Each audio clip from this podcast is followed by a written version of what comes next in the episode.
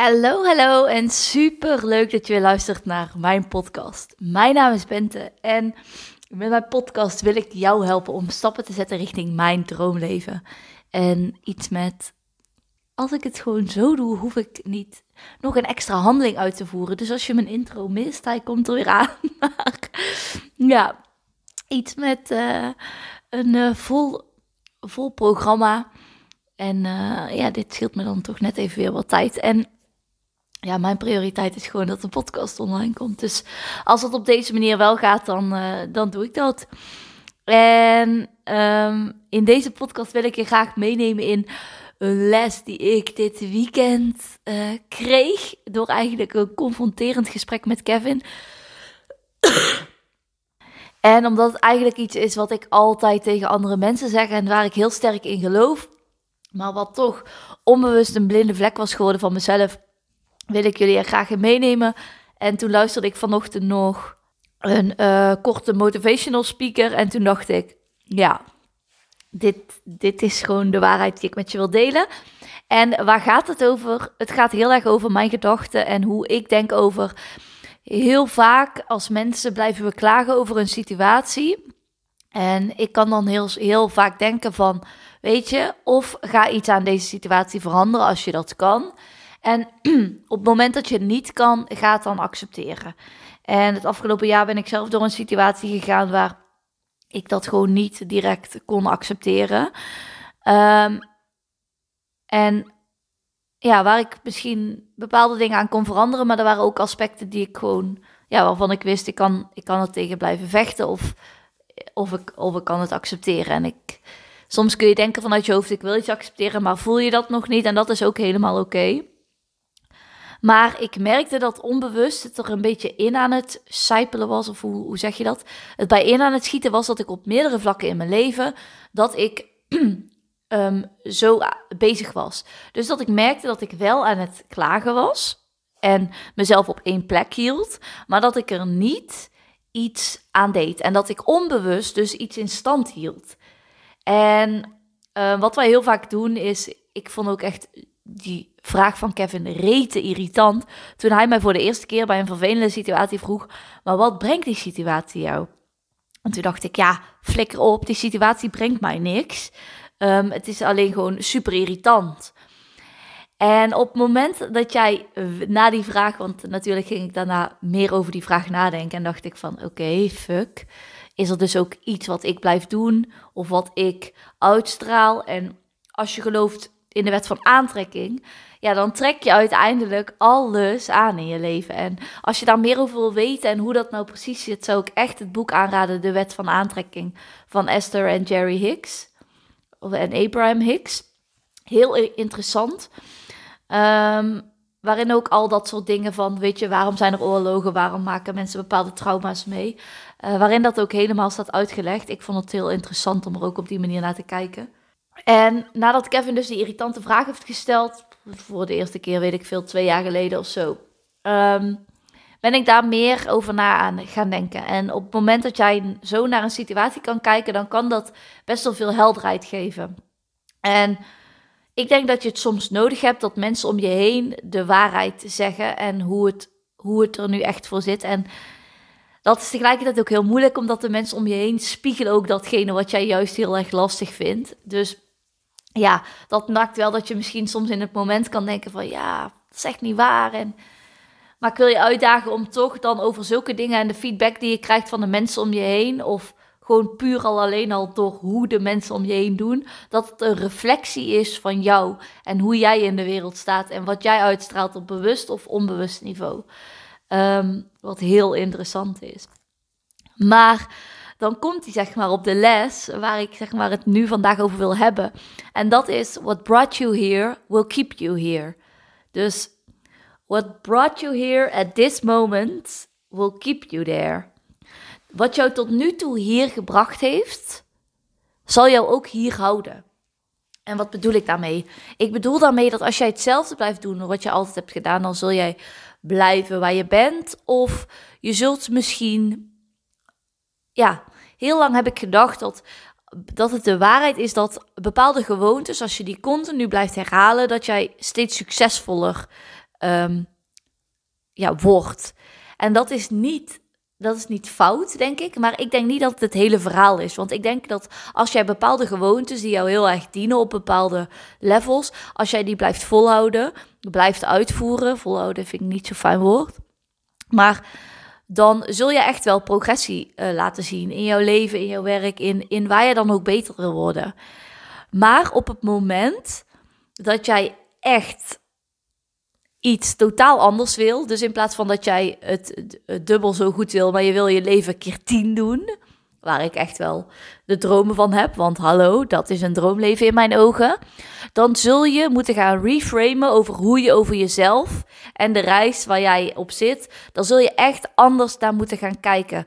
Want op het moment dat je hetzelfde blijft kijken naar bepaalde situaties. En hetzelfde blijft handelen, dan zul je ook continu opnieuw dezelfde situaties krijgen. De situatie zal niet veranderen totdat jij zelf verandert. En dan kom je ook weer terug op dat stukje van, weet je, je hebt alleen controle over jezelf. Um, uiteindelijk zul je andere mensen, zul je situatie niet veranderen. Het enige waar jij invloed op hebt is jezelf en jouw punt van aantrekking. Je kunt dan ook nooit dat is niet hoe de wet werkt. Je kunt nooit voor een ander dingen manifesteren. Je kunt nooit voor een ander dingen aantrekken. Je hebt alleen invloed op jezelf. En op het moment dat je jezelf verandert, zul je zien dat ook anderen zullen veranderen. En om zo'n exponentiële groei te hebben, dus niet een lineaire groei, maar echt grootse groei, zul jij hoe jij naar jezelf kijkt moeten veranderen. En zul jij moeten stoppen met wat je eigenlijk niet moet doen. En dat kan zijn tot um, jezelf saboteren, uh, continu Netflixen, continu op je telefoon zitten, continu op social media zijn, bezig met wat anderen doen. En je zou meer moeten doen van wat jou het meeste oplevert. En weet je, als je een boek wil schrijven, is dat natuurlijk gewoon gaan zitten en gaan schrijven. En niet continu druk maken om of het wel goed genoeg is. Nee, gewoon schrijven een half uur per dag of weet ik veel wat. En als jij graag um, beter voor jezelf wil opkomen, moet jij stoppen met altijd meteen ja zeggen. En is voor jou misschien de eerste actie om even na te denken en tijd voor jezelf te pakken. En zo zijn er allemaal acties die je meer kunt doen. Maar toen luisterde ik dus een podcast en toen zei hij van er was zo'n voorbeeld van Michelangelo die altijd schilderijen maakte. Tot hij op een gegeven moment een mega standbeeld in één keer maakte. En vervolgens werd hij gevraagd om het plafond van een of andere grote kapel te maken. En hij ging elke keer tien keer zo groot denken. En als hij uit was gegaan van zijn oude ik, die puur de schrijver was, uh, de schrijver was, de schrijver niet, sorry, de schilder was dan was hij nooit gekomen met dat hij zulke grootse dingen kon doen. En dat is dus die change of self. Dat je soms gewoon het beeld van jezelf zult moeten veranderen. En je oude ik daarvoor zult moeten loslaten. En door jezelf dan die vraag te stellen, of doordat iemand anders je dan die vraag stelt van, maar wat brengt het me? Kun je nadenken over wat brengt die oude versie van mezelf en wat is er voor nodig? En soms is dat ook gewoon tijd, maar wat is er voor nodig om dat los te kunnen laten? Want op het moment dat je dat los kunt laten, kun jij stappen. Op het moment kun je stappen in, zeg maar, die nieuwe versie van jezelf. Die echt andere dingen doet. En kun jij je eigen intuïtie gaan volgen en doen wat goed voelt. En dat betekent niet dat je nu al je pad ziet voor over tien jaar of over vijf jaar. Want het is niet gek dat je dat nu niet kan zien. Maar hoe vet zou het zijn als jij terug kan kijken van, oh, die momenten waarvan ik dacht dat ze niks voorstelden. Ik bedoel, kijk naar mij, kijk naar mijn allereerste podcast. Dat was heel spannend en tegelijkertijd denk ik ook nu wel eens terug, als je het elke dag doet, van ja, je moet ook gewoon ergens beginnen. En als je dan al meer dan 100 podcasts hebt opgenomen, is het alweer heel anders. En daarmee zeg ik niet dat het nu soms niet meer spannend is, maar het is heel anders dan toen. En uiteindelijk is daar vooral heel veel moed voor nodig om je krachten te vergroten. En tegelijkertijd ook ergens wat stress eraan toe te voegen. Uh, op momenten dat je echt groot gaat durven denken. Want er is een gevaar in het playing safe. En dat is wat wij doen met onze levens. Wij hebben kiezen vaker voor om in onze comfort te blijven, om veilig te spelen. En dat gebeurt eigenlijk al als we stoppen met intentioneel zijn. Dus als we niet onze intenties helder hebben met waarom we doen wat we doen, per activiteit, ja, dan vallen we terug in onze oude patronen. En dat is vaak gewoon de veilige manier. En dat kan zijn voor een, uh, weet ik veel, een kiezen voor een huis terwijl je eigenlijk op wereldreis wil. Kiezen voor een baan in loondienst terwijl je eigenlijk voor jezelf wil werken. Kiezen voor het pleasen in plaats van voor jezelf opkomen. Kiezen voor uh, het standaard eten eten terwijl je eigenlijk iets nieuws wil. Kiezen voor uh, elke jaar naar dezelfde camping op reis gaan terwijl je eigenlijk iets anders wil. Het kan van alles zijn. En wat er dan gebeurt is, dan maak je geen transformatie mee. En op het moment dat jij echte groei wil doorgaan, dan maak jij echte groei mee. En waarom gaven ze dat voorbeeld van Michelangelo? Het was niet veilig voor hem. It was not safe for Michelangelo. Maar wij moeten soms begrijpen dat onze routine, dat zeggen ze ook van, our routine is a mean, not an end. Zoals je leven er nu uitziet, is niet hoe jouw leven eruit moet zien. That's on you. Het is aan jou of jij er iets wil, aan wil veranderen. Maar what brought you here will keep you. What brought you there will keep you there. En dat is het gewoon. En wij hebben allemaal onze eigen unieke kwaliteiten.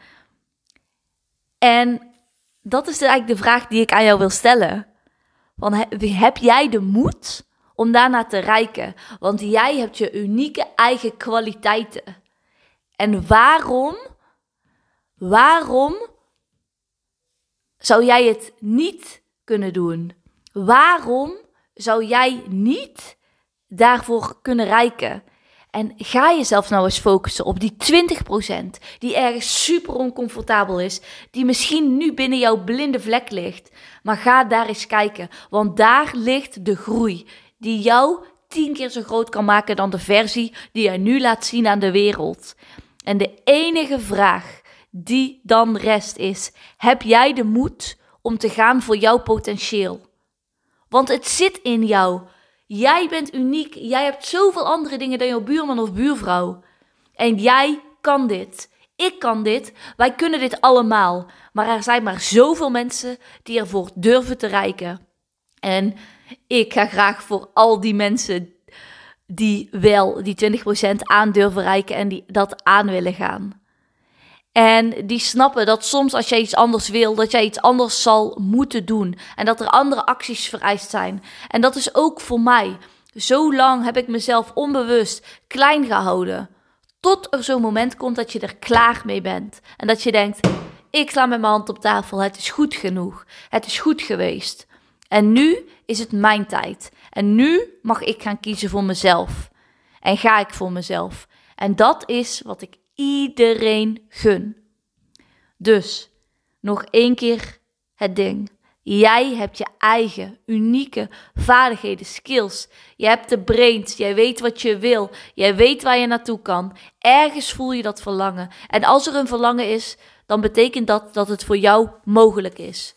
De vraag is alleen: heb jij de moed om jouw verlangens te volgen? En daar ga ik hem mee afsluiten voor vandaag. Ik vond het super leuk dat je naar mij hebt geluisterd. En tot de volgende keer. Doei!